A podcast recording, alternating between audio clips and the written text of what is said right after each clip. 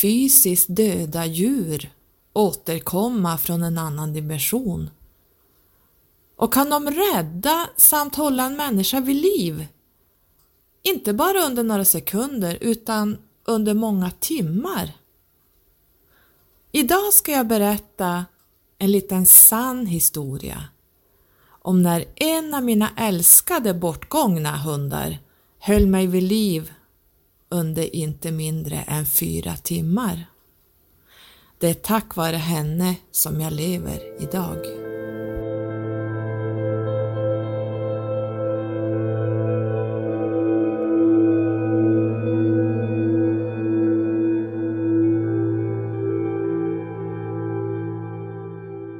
Men först ska vi backa bandet och jag ska berätta historien bakom henne och mitt intresse till just dobermann.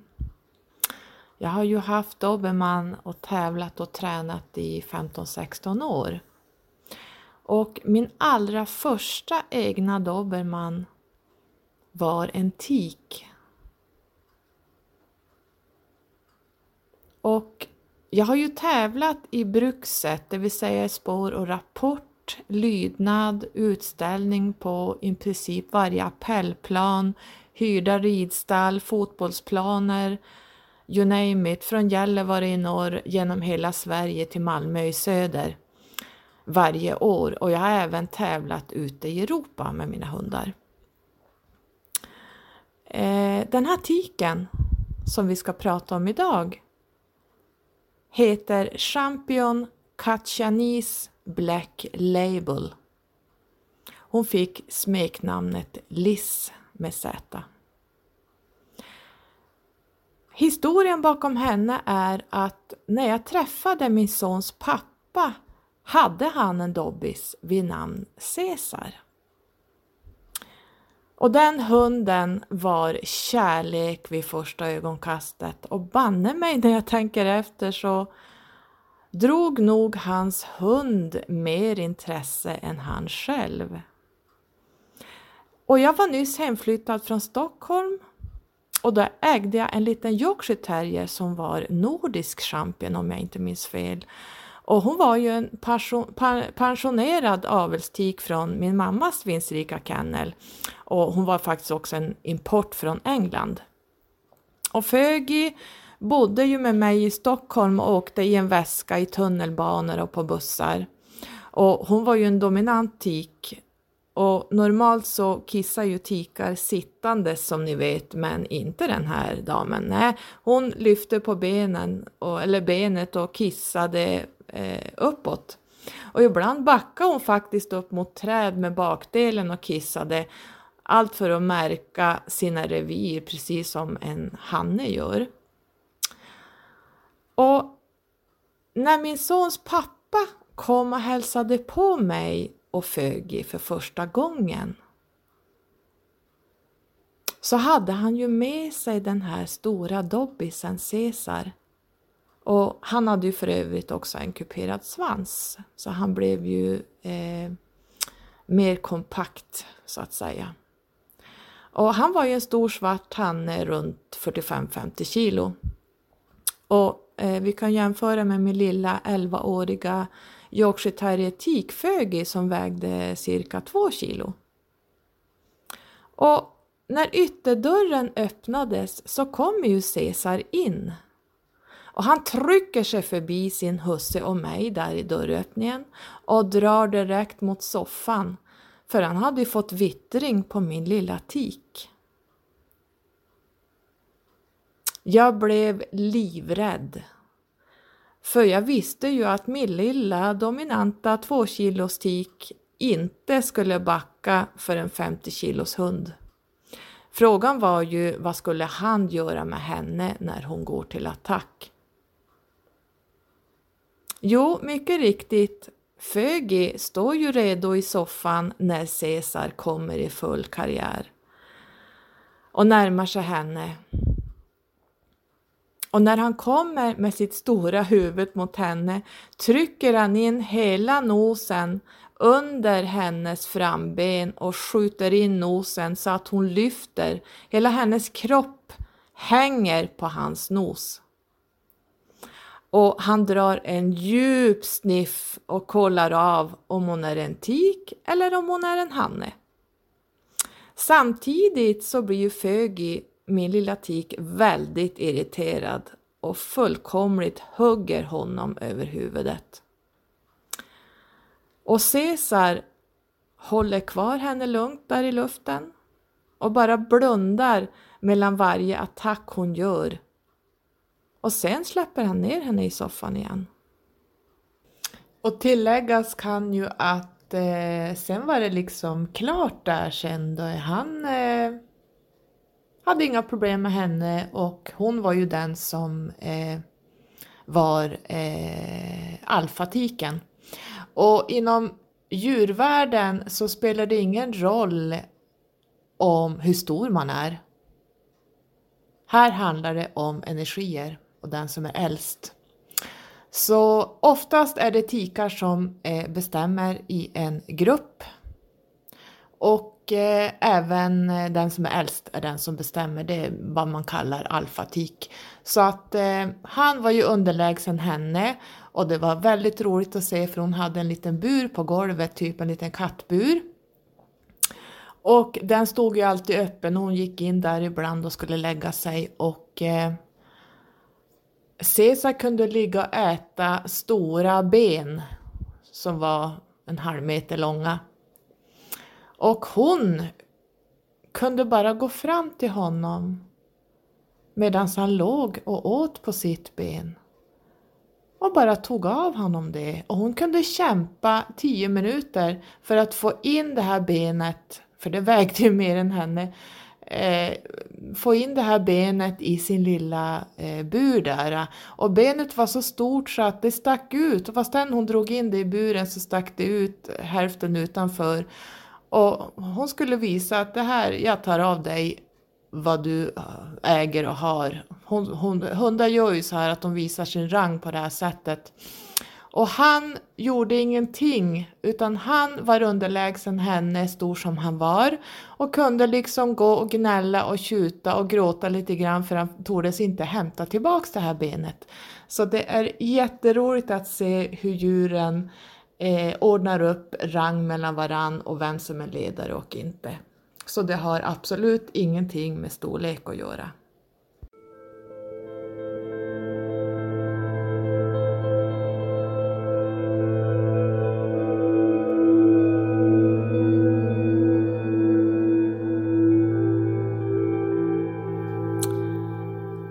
Jag fick ju upp intresset för dobermannrasen och eftersom Caesars psyke var outstanding letade jag bland de linjerna och hittade en parning som precis hade ägt rum mellan svensk utställningschampion, internationell utställningschampion, norsk utställningschampion, korad LP och tjänstehund Frescos Shiro Stingray. Och mamman hette Wobsters Up to Dream och hon var faktiskt syster till våran Caesar. Och här fick jag ju upp ögonen för den här kullen för att Caesar tyckte jag så mycket om så att vad kunde då bli bättre för en nybörjare som mig då eh, att hitta eh, en tik från Caesars syster. Och när den här kullen var född åkte vi ner till mitten av landet för att hämta hem min älskade Liss. Och jag hade ju fått förhandsval och genom många telefonsamtal och bilder och videos valde jag ut just henne. Lite grann på hur hon betedde sig i valpgruppen. Eh, jag tittade på vem och vilka mamman tuktade mest och vilka som mamman behövde ge extra hårda tag mot. För en hundmamma kan ju vara ganska hård mot en del valpar och här ska man som eh, människa inte lägga sig i utan eh, tikarna vet exakt vilka valpar som behöver hårda tag medan andra vekare valpar lyfter de upp och peppar och pushar lite mer att de ska ta sig fram. Och där handlar ju om en snabb uppfostran för de har ju bara runt 8-9 veckor på sig om vi jämför dem med människor som har som ska fostra ett barn under många, många, många år. Så att eh, här, här ska man inte lägga sig i mammans eh, instinkter för hon vet bäst. Att ta en valp efter korade föräldrar är ju ett bra sätt att få stabila valpar. Och koningen är ju världens tuffaste test tillsammans med polisens LT-test. Det vill säga polishundarna genomgår ju ett lämplighetstest eh, för att kunna bli polishundar. Men det är lite annorlunda än koningen. Jag tycker koningen är betydligt tuffare och där ska ju hundarna klara Alltså på LT-testet ska hundarna klara Mm, de ska klättra på höga höjder, alltså polishundar, de ska springa i trappor med nätgolv där man kan se igenom rakt ner. En kårning eh, är ju en bana man går igenom som tar cirka 30 minuter där figuranter står ute i skog, skogen för att skrämma livet egentligen i hunden. Eh, man träffar på olika saker när man går med hunden. Och eh, man testar då dådkraften, modet, rädslorna och framförallt avreageringen. Ibland måste man ju avbryta testet för hunden kanske inte kan avreagera eller så går den till attack. Och de här hundarna är ju inte lämpade för avel eller kanske inte kan hanteras hos vilken ägare som helst. Och det vi ska veta är ju att en rädd hund som attackerar är en farlig hund. För att återgå till Liss som det här avsnittet handlar om så var hon ju en hemsk valp. Den värsta jag varit med om och jag har haft många valpar i mitt liv. Eh, hon var vild och galen och storebror Cesar hade ju ett heltidsjobb med henne. Han gjorde så gott han kunde och även vi tvåbenta. Vi hade ju bland annat vid jultid en julgran och under den hade vi slagit in en massa julklappar, bland annat två eh, inslagna godishus. Och när vi kom hem, och jag tror nog Cesar också var med på ett hörn här, hade de ätit upp de här två godishusen. Det fanns inte en enda godis kvar. Det enda som låg var eh, papperna runt om och alla omslagspapper och det var precis över hela golvet. Det låg papper överallt. Tack och lov hade de lämnat övriga julklappar intakta. Hon hämtade ju min plånbok ur väskan som stod på golvet och tuggade ur sönder alla plastkort. En gång när vi kom hem eh, var lampan i fönstret i hundarnas egna rum, alltså vi hade ett hundrum där de hade en egen vit skinnsoffa och lite annat mys så hade hon tuggat av elsladden till lampan som stod i fönstret medan den var i kontakten. Nu låg ju sladden på golvet, med, alltså avbiten, medan den satt kvar i uttaget och sladden till lampan hängde ju och dinglade i fönstret då. Och vi förvånades över att det inte hade gått en propp eller att hon fått en rejäl elstöt och dött på kuppen. Det är för oss, eller för mig, ett mysterium och jag tror hon hade vad vi kallar änglavakt. Liss och sonen blev ju Lång och Lerhalm, Fyrtornet och släpvagnen. Liss var ju min sons extra mamma och hon hade ju full koll på honom. När han gick omkring i köket med sin lärargåstol och han körde fast drog hon ju loss han. Eh, kunde putta han hit och dit. Eh, och ibland när han hade klättrat upp på en stol eller i soffan så kom hon ju direkt och hämtade mig, typ skynda dig. Ibland så ställde hon sig och blockerade stolen eller vid soffan så att sonen inte kunde falla ner och hon var ju så pass smart att hon fattade att hon inte kunde lämna honom så att ibland ställde hon sig och pep det högsta jag, hon kunde eller skällde så att jag skulle komma ner till undsättning då. Och det här kunde ju gå på två minuter. För vi vet ju att eh, ibland när man står vid diskbänken och lagar lunch eller pysslar med annat så det där med att ha ögon i nacken. Barn som börjar krypa och gå kan förflytta sig jäkligt lugnt på 2-3 minuter. Så därför är det bra att ha en egen Liss i hemmet som har de ögonen och jag litade ju på henne till 100 procent. Han åt ju ibland på ett rån eller en kaka i sin lärargåstol och matade ju List då med samma kaka och sen åt han lite på den själv. Och de delar på allting. Jag brukar säga att det är därför min son aldrig har varit sjuk som barn. Han var aldrig sjuk.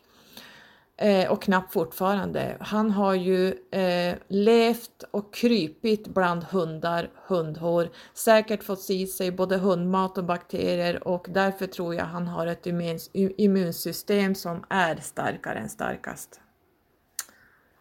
Ja, som ni hörde hur hon var som valp så medan Liz växte upp som eh, först var hon ju en hemsk valp och sen växte hon upp till en väldigt trygg eh, tik. Och under den här perioden så föddes min son. Och den här hemska valpen utvecklades ju till en lugn och trygg tik som jag sa. Hon, hon blev ju som ombytt. Hon tävlades ju upp till champion och fick ju bra och höga placeringar på Dobermann specialer i championklasser samt bästa svenskfödda tik bland annat. Här ska ju nämnas att vid den här tiden sprutade det in importhundar som var helkuperade och som bara vann eh, tävlingar för det. Men eh, Liz hon placerade sig högt i championklasserna trots att hon var faktiskt okuperad.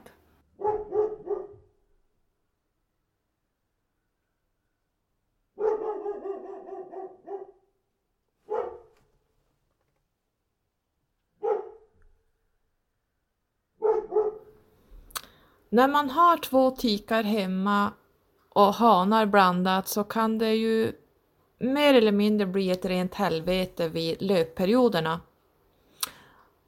Tack och lov drar ju oftast tikarna igång varandra så att de löper samtidigt, men att ha en löptik hemma med en hanne går inte.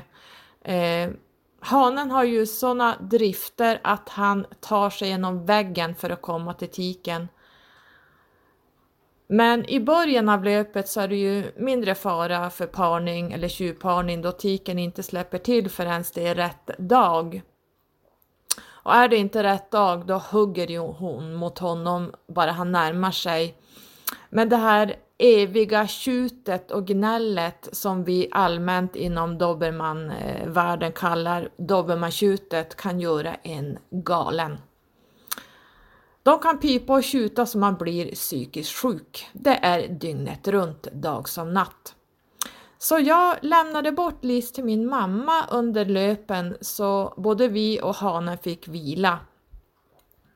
Och en hane eh, som lever med en löptik kan ju rasa i vikt flera kilo om man är i samma hem som en, som en löptik och de varken äter eller sover. Det är så starka drifter att de går under en sån hög stress, de härskar dygnet runt. De blir helt slut och även vi. Eh, så min mamma valde ju att ta Listo istället för hanen för att han är ju, var ju då dels för, för stor för henne att hantera och han skulle ju dra omkull henne som en eh, fjäder. Och Liz är ju mera lugn och foglig, noll stress var hon än befann sig. Så att det blev att Liz fick då flytta till min mamma då eh, under löpen. Väl hos mamma ringde det på hennes dörr till hennes hus. Han öppna, eller hon öppnade ju då och där står det ju en konstig man iklädd en skots, eh, skotskrutig skjorta och ville ju prompt komma in. Min mamma sa ju nej, frågade vem han var och vad han ville. Nu hade ju Liz kommit till dörren om hon inte redan stod där, men hon gick fram och ställde sig mellan mamma och den här mannen. För att visa att ta inte ett steg till. Eh, mannen tog tag i dörren och skulle ju bända upp den och våran väna snälla Liz som aldrig varken skulle morra eller visa aggression. Faktum är ju att en del frågade faktiskt om hon verkligen var en dobbist och de tyckte att hon var ju alldeles för snäll och för lite triggad. Men det är ju den bilden av Dobby som man ser på vita duken som hugger, attackerar vid första angrepp eller hot och sådana hundar vill vi inte ha i Sverige. För, de, eh, de, eh, för det är ju rädda och stabila hundar som gör så. Eh, och de är ju oftast äggade och triggade av deras eh, förare och ägare, det vill säga att de här hundarna hamnar i fel hem och får då en, eh, ett dåligt rykte. Hela rasen får ett dåligt rykte på grund av fel förare och fel ägare. Men Liss, som jag sa, kliver fram mellan min mamma och den här mannen. Och helt plötsligt drar hon upp hela garnityret och morrar. Raggen ställer sig från huvudet till svansen och morrar det grövsta min mamma någonsin hade hört. Hon gjorde inget utfall. Hon bara visade att stanna där du är. Du kommer inte förbi mig och testar du så smäller det.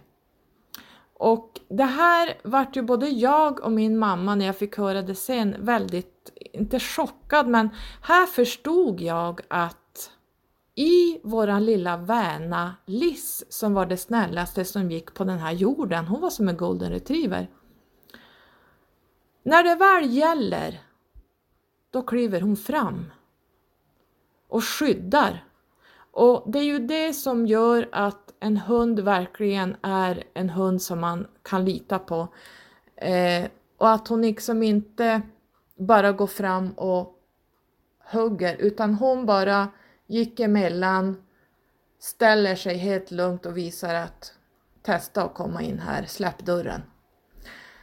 Eh, Mannen släppte dörren och gick därifrån.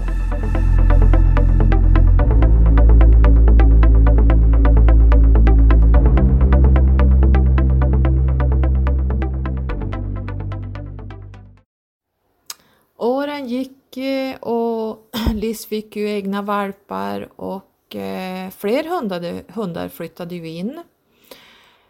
Eh, jag köpte in en importtik från Belgien som verkligen var en tuff tik och den här tiken och typen av hund kräver sin eh, förare kan jag säga. Så att eh, den tiken är ingen förstahandshund utan man bör ha rätt mycket erfarenhet innan man eh, handhar en, den typen av hund som hon var.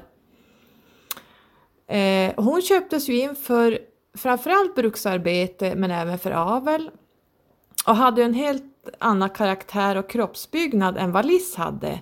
Liz var ju som ett kraftpaket, 37 eh, kilo muskler, fyrkantig. Kanske den typen av tik som en, eller hund, dobermann som en del gillar bäst, som ett, som ett muskel och kraftpaket medans eh, LP1, LP2, lägre rapport och appellspår MH, Kentis Salista Nästa tik som vi, jag kallade för Ida var en smidigare modell. Hon var lite högre men med en helt annan kroppsbyggnad. Hon var inte smal men hon var, hon var en helt annan modell. Hon var ju då helkuperad, alltså ståöron och ingen svans och exteriört en av Sveriges snyggaste tikar. Hon såg ut som en svart gasell. Ni som har sett henne live i utställningsringarna och på specialerna eller på IDC i Frankrike har ju sett vad hon både går för och hur hon jobbar i Brukset och på lydnadsplanen där hon var uppe i lydnadsklass 3. Och ni vet vad jag pratar om. Hon var ögonfallande. Alla såg henne när hon kom. Eh, hon hade ju en enorm av och på-knapp samt var ju en duktig brukshund och vi har ju spenderat många tusen timmar i rapportskogen för hon sprang ju som en gasell genom stationerna. Och det fanns ju ingen som slog hennes tider, någonsin. En sån hund kan kosta, kosta runt då 35 000 kronor. Idag kanske man får ge det dubbla, jag vet inte. Det här var ju två år 2000, ja, 2001 jag köpte henne. Eh, när Ida då blev vuxen så skulle hon ju förstås testa rangen mot Liz och försöka ta över ledarrollen. Hon försökte ju en gång dränka Liss när de sprang ut i vattnet för att hämta en pinne som vi kastade åt dem. Du vet man står på stranden så står man och kastar pinnar och så simmar de ut och hämtar tillbaka. Men där ute blev det slagsmål. Och Ida hoppade på Liss. Och vi såg ju från stranden då att Liss var under vattenytan och hon kom inte upp igen. Min dåvarande sambo och jag skriker så högt att vi, alltså vi blev i panik, vi såg ju att Liss dränks ju. Eh, så att eh, det här var ju Idas chans att plocka bort Liss. För hon hade ju testat många gånger men eh, det var inte läge på land. Nu tog hon sin chans när hon var ute på vattnet. Eh, min sambo kastar sig ut i vattnet och hinner i sista stund dra upp Liss ur vattnet och hon var ju i djup chock. Och här kan man väl säga välkommen till djurens värld.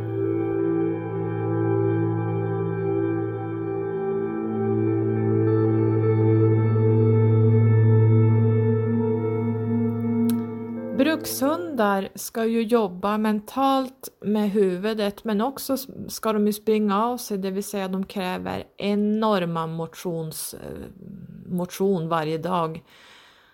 Så jag tog ju ofta flera gånger per dag eh, min stora Jeep Grand Cherokee V8 eh, och lastade in hundarna för att släppa dem i skogen. Och sen kunde vi gå några kilometer men jag märkte ju att Liz började hålla sig nära mig. Hon sprang inte med de andra hundarna, hon såg plågad ut. Eh, hade problem med andningen och hostade konstant.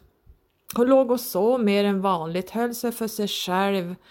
Och vid den här tiden skulle hon insemineras med sperma från en belgisk hane. Och innan det här skulle ske så gjorde jag en veterinärcheck, det vill säga en hälsoundersökning att hon verkligen var frisk.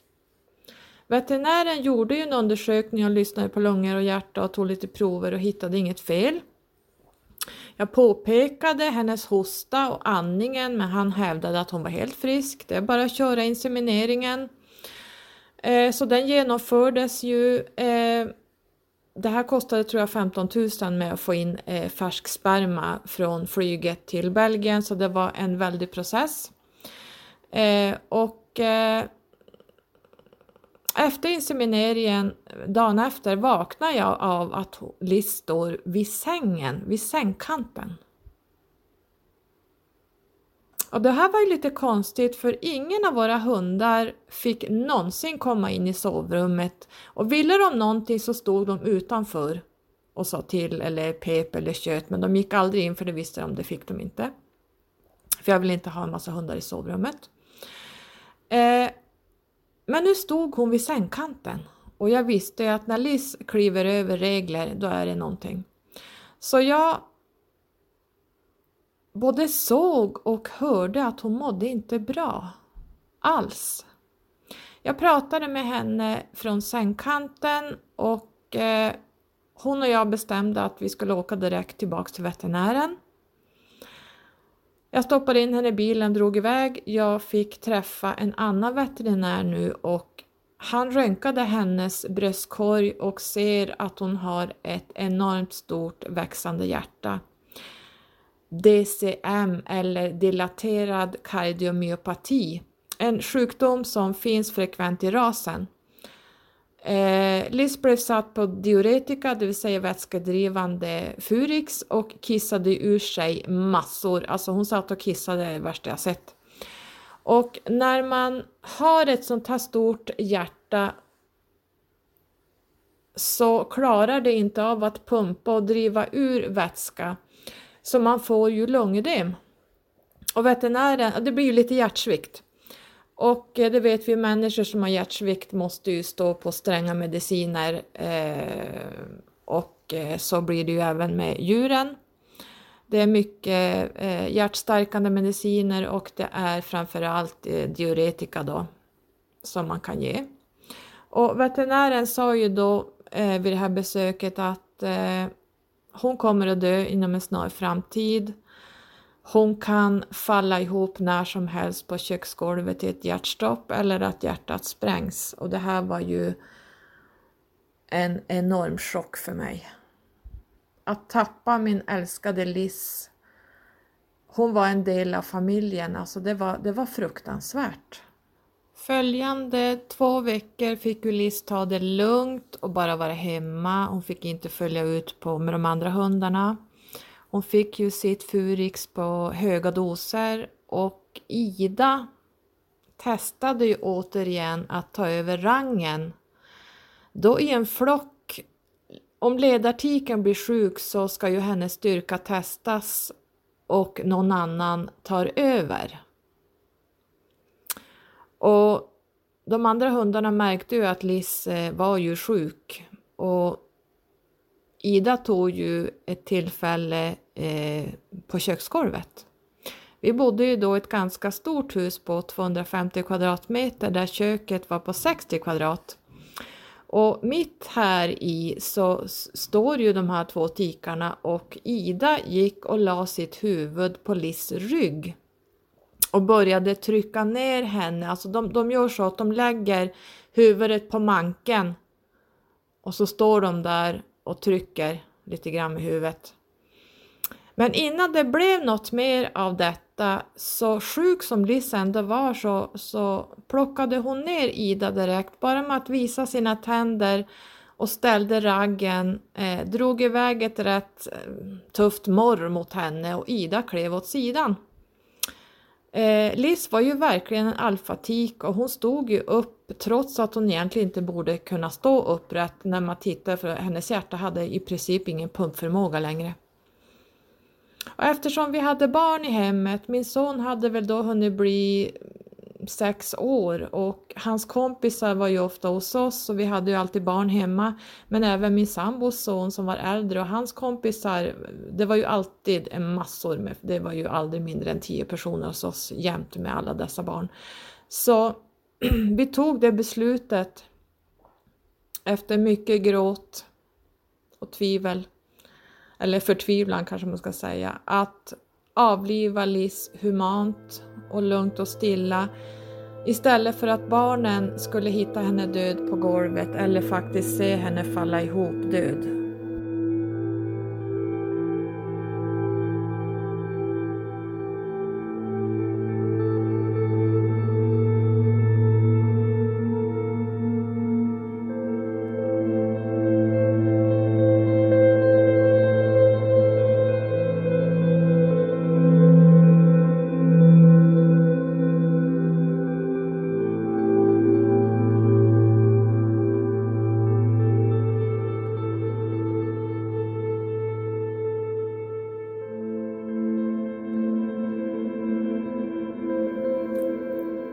Jag minns det som igår. Dagen som kom den där skärtorsdagen år 2002 när Liz skulle få somna in. Jag minns att jag tittade bak på henne i bilen medan min sambo körde. Hon stod upp. Liz visste ju förstås, eh, hon andades som att hon var frisk, trots att hon egentligen borde vara död. Hon hade ju nu inga pulsationer i benen eller extremiteterna. Det fanns ingen cirkulation neråt. Trots detta så står hon upp. När jag plockade ur henne från bilen för att gå en sista runda med henne, samla mig, pratade med henne om vad hon har betytt för mig, Tackade för all hjälp hon har gett mig, för den extra mamma hon faktiskt hade varit för min son. Gick vi baklänges in på kliniken till det där rummet. Jag glömmer det aldrig. Normalt när en hund ska avlivas så ges lugnande och sen ger man en stor överdos av kalium i en 20 ml spruta. Men de sa det att Liss hjärta kunde ju stanna bara hon fick lugnande. Så man satte en Ivenol på benet och sen lyfte jag upp henne på undersökningsbordet. Veterinären frågade om vi var beredda. Han sa att det kommer att gå fort. Jag kommer knappt behöva börja spruta så kommer hon att sega ihop. Hon har så fruktansvärt dåligt hjärta så att eh, det kommer att gå fort där. Eh, jag la ut hennes filt så hon kunde känna sig trygg och min sambo stod nära henne eh, där hon satt på bordet för att kunna ta emot henne vid dödsögonblicket och jag försökte hålla masken inför henne och pratade kärleksfullt och lugnt med hon. Allting så att hon skulle känna sig trygg.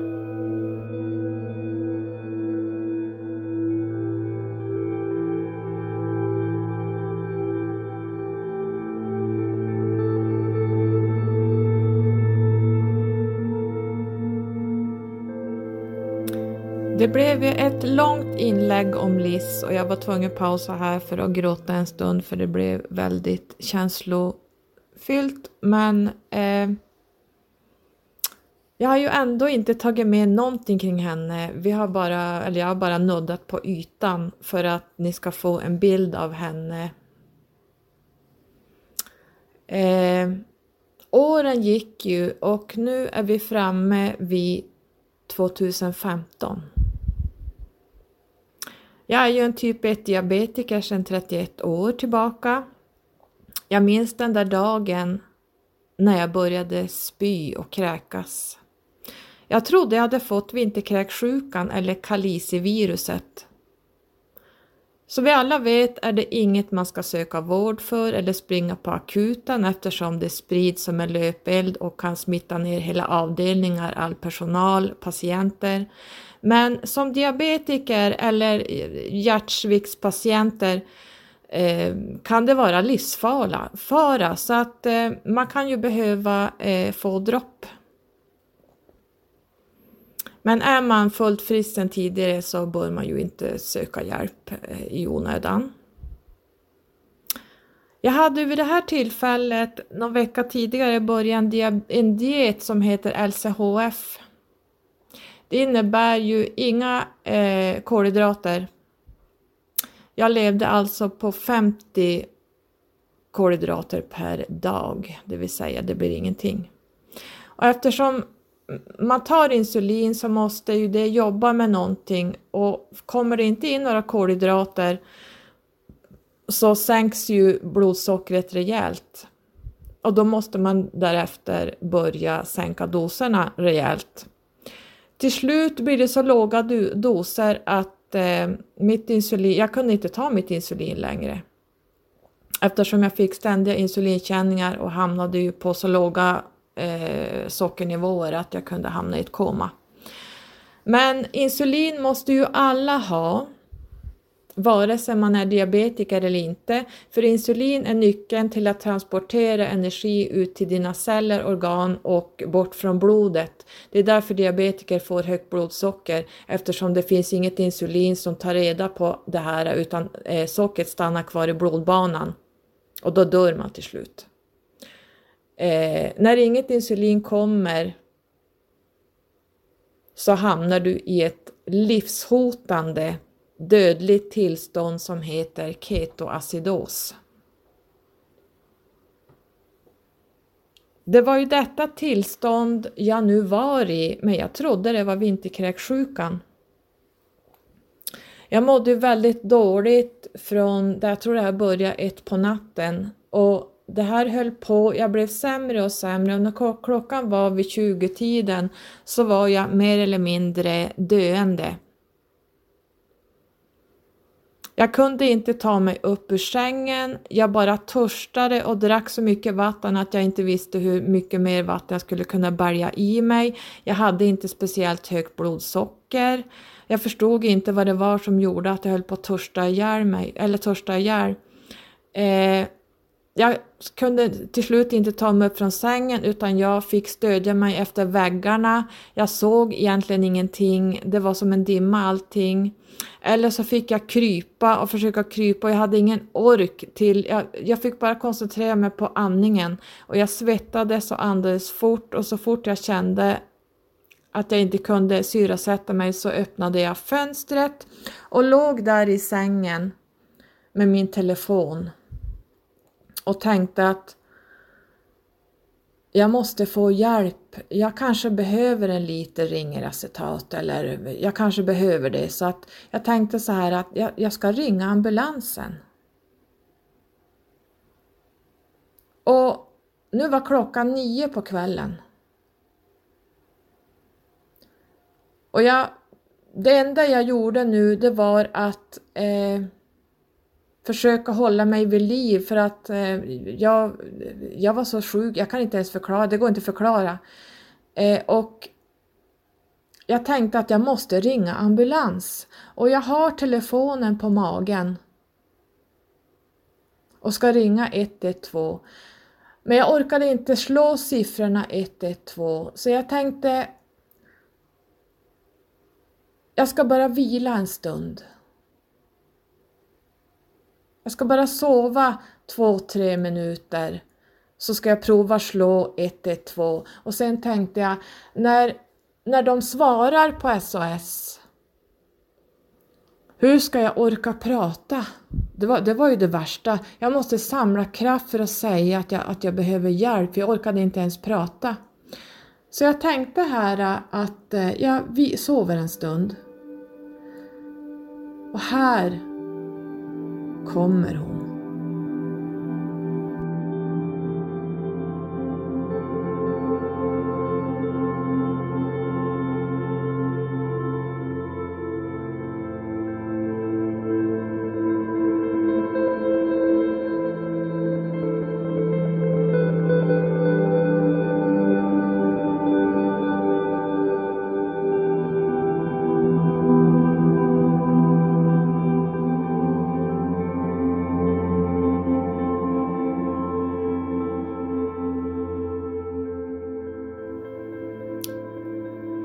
När jag lägger mig och ska sova en stund innan jag ringer SOS så kommer Liss. Hon kommer in i sovrummet och hon går hon står på, eh, vid fotändan av sängen och hon vandrar fram och tillbaka, fram och tillbaka och jag hör hennes klor och jag tänkte gud jag måste klippa klorna på hon. Gud vad de låter när hon går. Och hon tjöt och hon pep och vandrade och jag såg hennes svans gick, stod rakt upp och hon vandrade fram och tillbaka, fram och tillbaka vid sängkanten längst ner vid fötterna. Och jag förstod ju att Eh, eller jag tänkte då att gud hon är kissnödig och jag, hon vill ut och kissa men jag orkar inte gå ut med hon. Så jag röt upp åt henne och sa att gå och lägg dig sa jag åt henne med en hård röst. Jag tänkte hon får kissa ner sig, jag orkar inte eh, gå ut med hon. Eh, jag tittar mot dörröppningen och där står mina övriga hundar. De kommer inte in i sovrummet, de står bara i dörröppningen. Men Liz, hon är vid sängen. Nu hade jag varit sjuk i cirka åtta timmar och nu var det verkligen jätteilla med mig. Eh, så jag vaknade som till när jag blev irriterad på henne så att då tog jag upp telefonen igen och skulle ringa Eh, och jag kände bara, jag orkar inte prata. Och så låg jag en stund och peppade och tänkte hur jag skulle säga, hur jag skulle orka prata och låg och samlade mig. Och så sen kände jag, nej jag orkar inte, jag sover en stund igen. Och då kommer Liz eh, tillbaka, hon ställer sig upp och börjar vandra och tjuta. Så här höll hon på i fyra timmar. Hon höll mig vid liv varje gång jag skulle lägga mig och sova och samla kraft för att kunna ringa SOS. Så väckte hon, hon höll mig vaken, hon höll mig vid liv. Till slut förstod jag att nu måste du ringa Carola, det har gått fyra timmar, du har inte lyckats slå 112 igen, nu var klockan ett på natten. Så jag tänker att jag orkar inget mer nu. Nu ringer jag och, och tar det sista kraften jag har, sen vill jag bara dö för jag, jag orkar inte ens andas, jag orkar inte prata. Det är bättre att få dö tänkte jag för att Oj vad skönt att få dö för att åh, tänk bara få somna in. Så trött, alltså jag var så sjuk, alltså man kan inte föreställa sig. Så jag ringer 112 och pratar med en operatör där och berättar att, jag kommer inte ens ihåg vad jag sa men jag vet att jag sa någonting om att jag Ja, jag var ju döende. Och jag minns att hon sa, lägg inte ifrån dig telefonen. Eh, vad finns du på för adress? Och jag sa min adress och då sa hon, är det portkod? Nej, sa jag. Eller jo, det, jag kommer inte ihåg om vi hade fått portkod då, men jag tror det bara var nyckel. Eh, har du låst din ytterdörr? Dörr? Jo, sa jag. Eh, kan du gå upp och öppna den? Nej, sa jag. Jag orkar inte. Jag orkar inte ens prata, sa jag. Eh, hur kan vi få upp dörren? Ja, då minns jag att jag sa ring NVS. Sen la jag på luren för jag kände att nu har jag i alla fall gjort vad jag kan. Nu har jag ringt SOS. Nu bryr jag mig inte om vad som händer. Kommer de så kommer de. Annars dör jag för att det, det kändes som att det var, det var nästan bästa vägen att gå för jag kände att jag orkar inte ens, jag orkar inget mer. Det, det går inte. I nästa sekund vaknar jag för här, här försvann jag nog in i någonting. Eh, I nästa sekund så står ambulansen vid sängen. Mina kollegor. Och de blev vi förstås väldigt chockade över att det var jag. Är det du Carola? Och jag kommer ihåg att jag bara, ja. Det är jag. Men hur är det? Och de såg ju rätt snabbt att jag var ju mer död än levande. De försökte eh, sätta nålar på mig, jag tror det, de försökte med fem, sex eh, gånger, det låg nålar över hela golvet. Eh, jag hade under 50 i blodtryck, jag hade 40 i andningsfrekvens, jag hade 33-34 graders temp. Jag var ju alltså sur, jag var mer död än levande. Så att det blev ju ilfart in till akuten till min arbetsplats. När de lastade mig, för de fick inte in någon nål, så eh, säger eh, den ena ambulanspersonalen att vi lastar och kör. Nu. För att den personen såg att det, vi kan inte spilla någon mer tid på att få in en nål. För att få in en nål på en som har 50 tryck, det vet vi alla att det, det går inte, det är helt omöjligt. Så att eh, de fick upp mig på något sätt på båren och rullar ut mot min första hall och in i vardagsrummet och där ser jag alla mina hundar står. Och jag säger till eh, ena kollegan där eh, som går bakom mig att eh, Hundarna måste min, du måste ringa morsan sa jag så hon får ta hand om hundarna för att eh, jag vet inte hur länge jag blir borta sa jag. Utan eh, eh, Försök att få tag i mamma så kan hon eh, komma hit och vara med hundarna för jag sa Liss håller på att kissa ner sig. Och jag såg ju dem. Och min kollega som stod bakom mig hon sa ju det att, Eh, eller hon sa egentligen ingenting. Hon svarade inte ens för det fanns ju inga hundar där. Men jag såg dem.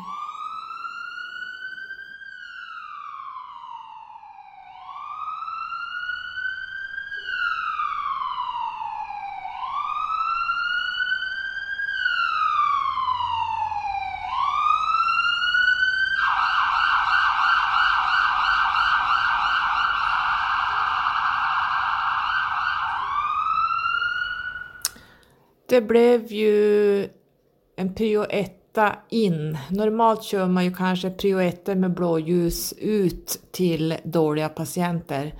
Nu blev det blått in och då är det bråttom. Väl framme på akuten eh, inne på rum 33 så blev det hårdkörning. Eh, jag, eh, man försökte, de var fyra personer som försökte sätta nålar på mig. Man stack mig på fötterna, på händerna, på armarna, överallt. Man fick inte in någon nål. Det enda jag gjorde var att skrika efter vatten. Eh, jag var så dålig så att man, eh, narkosen kom. Man transporterade mig till intensiven. Där ringde man in extra personal. Klockan var nu fyra på morgonen.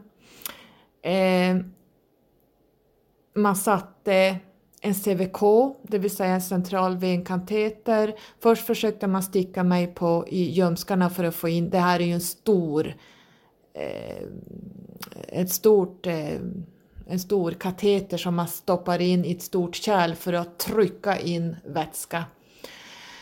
Eh, och eh, jag kommer ihåg att jag skrek, det, det, det tog så jäkla ont när, de, när hon stack, narkosläkaren eh, stack mig i ljumsken för att få in en CVK där, men det gick inte och jag sa sätt den på halsen. Men i och med att jag hade bara 50 tryck så eh, är det lite svårt att sätta på halsen men hon lyckades sticka mig på halsen och, och få in en CVK där. Man satte artärnål, man satte kisskateter, eh, man satte in inotropstöd, eh, man eh, gav mig vätska, det vill säga 22 liter vätska fick jag på några timmar. Eh, och jag var så sur, mina blodgaser som man tar, jag hade en ketoacidos som var så långt gången att eh, blodgasen visade att jag var så sur att jag skulle inte ens leva med de värdena. Jag skulle egentligen vara död. Och man hade tänkt förflytta mig till ett större sjukhus men det gick inte för jag, för jag var för dålig för att flyttas helt enkelt. Så att eh, man trodde inte jag skulle överleva natten. Så att eh, för att dra den här till historien, eh, de som inte förstår alla termer så ska jag stanna där. Men ja, som ni ser så överlevde jag. Och jag kan säga att eh, det är tack vare Liss. Hon höll mig vaken i fyra timmar.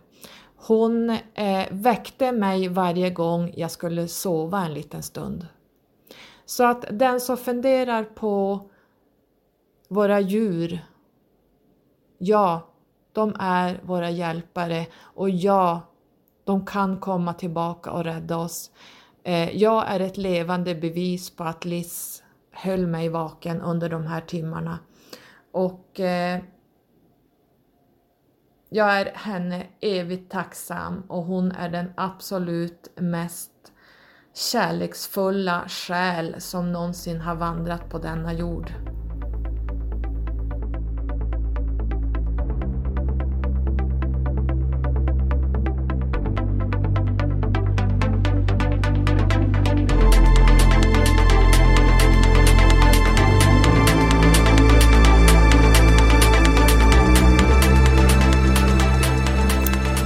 lyssnat på Skyrocket-podden med mig, Carola. Dagens avsnitt handlade om när våra döda djur kommer tillbaks och räddar livet på oss samt att sluta med insulin. Det kan gå väldigt illa. Tack för att du lyssnade och eh, ha en bra dag. Puss och kram, hej!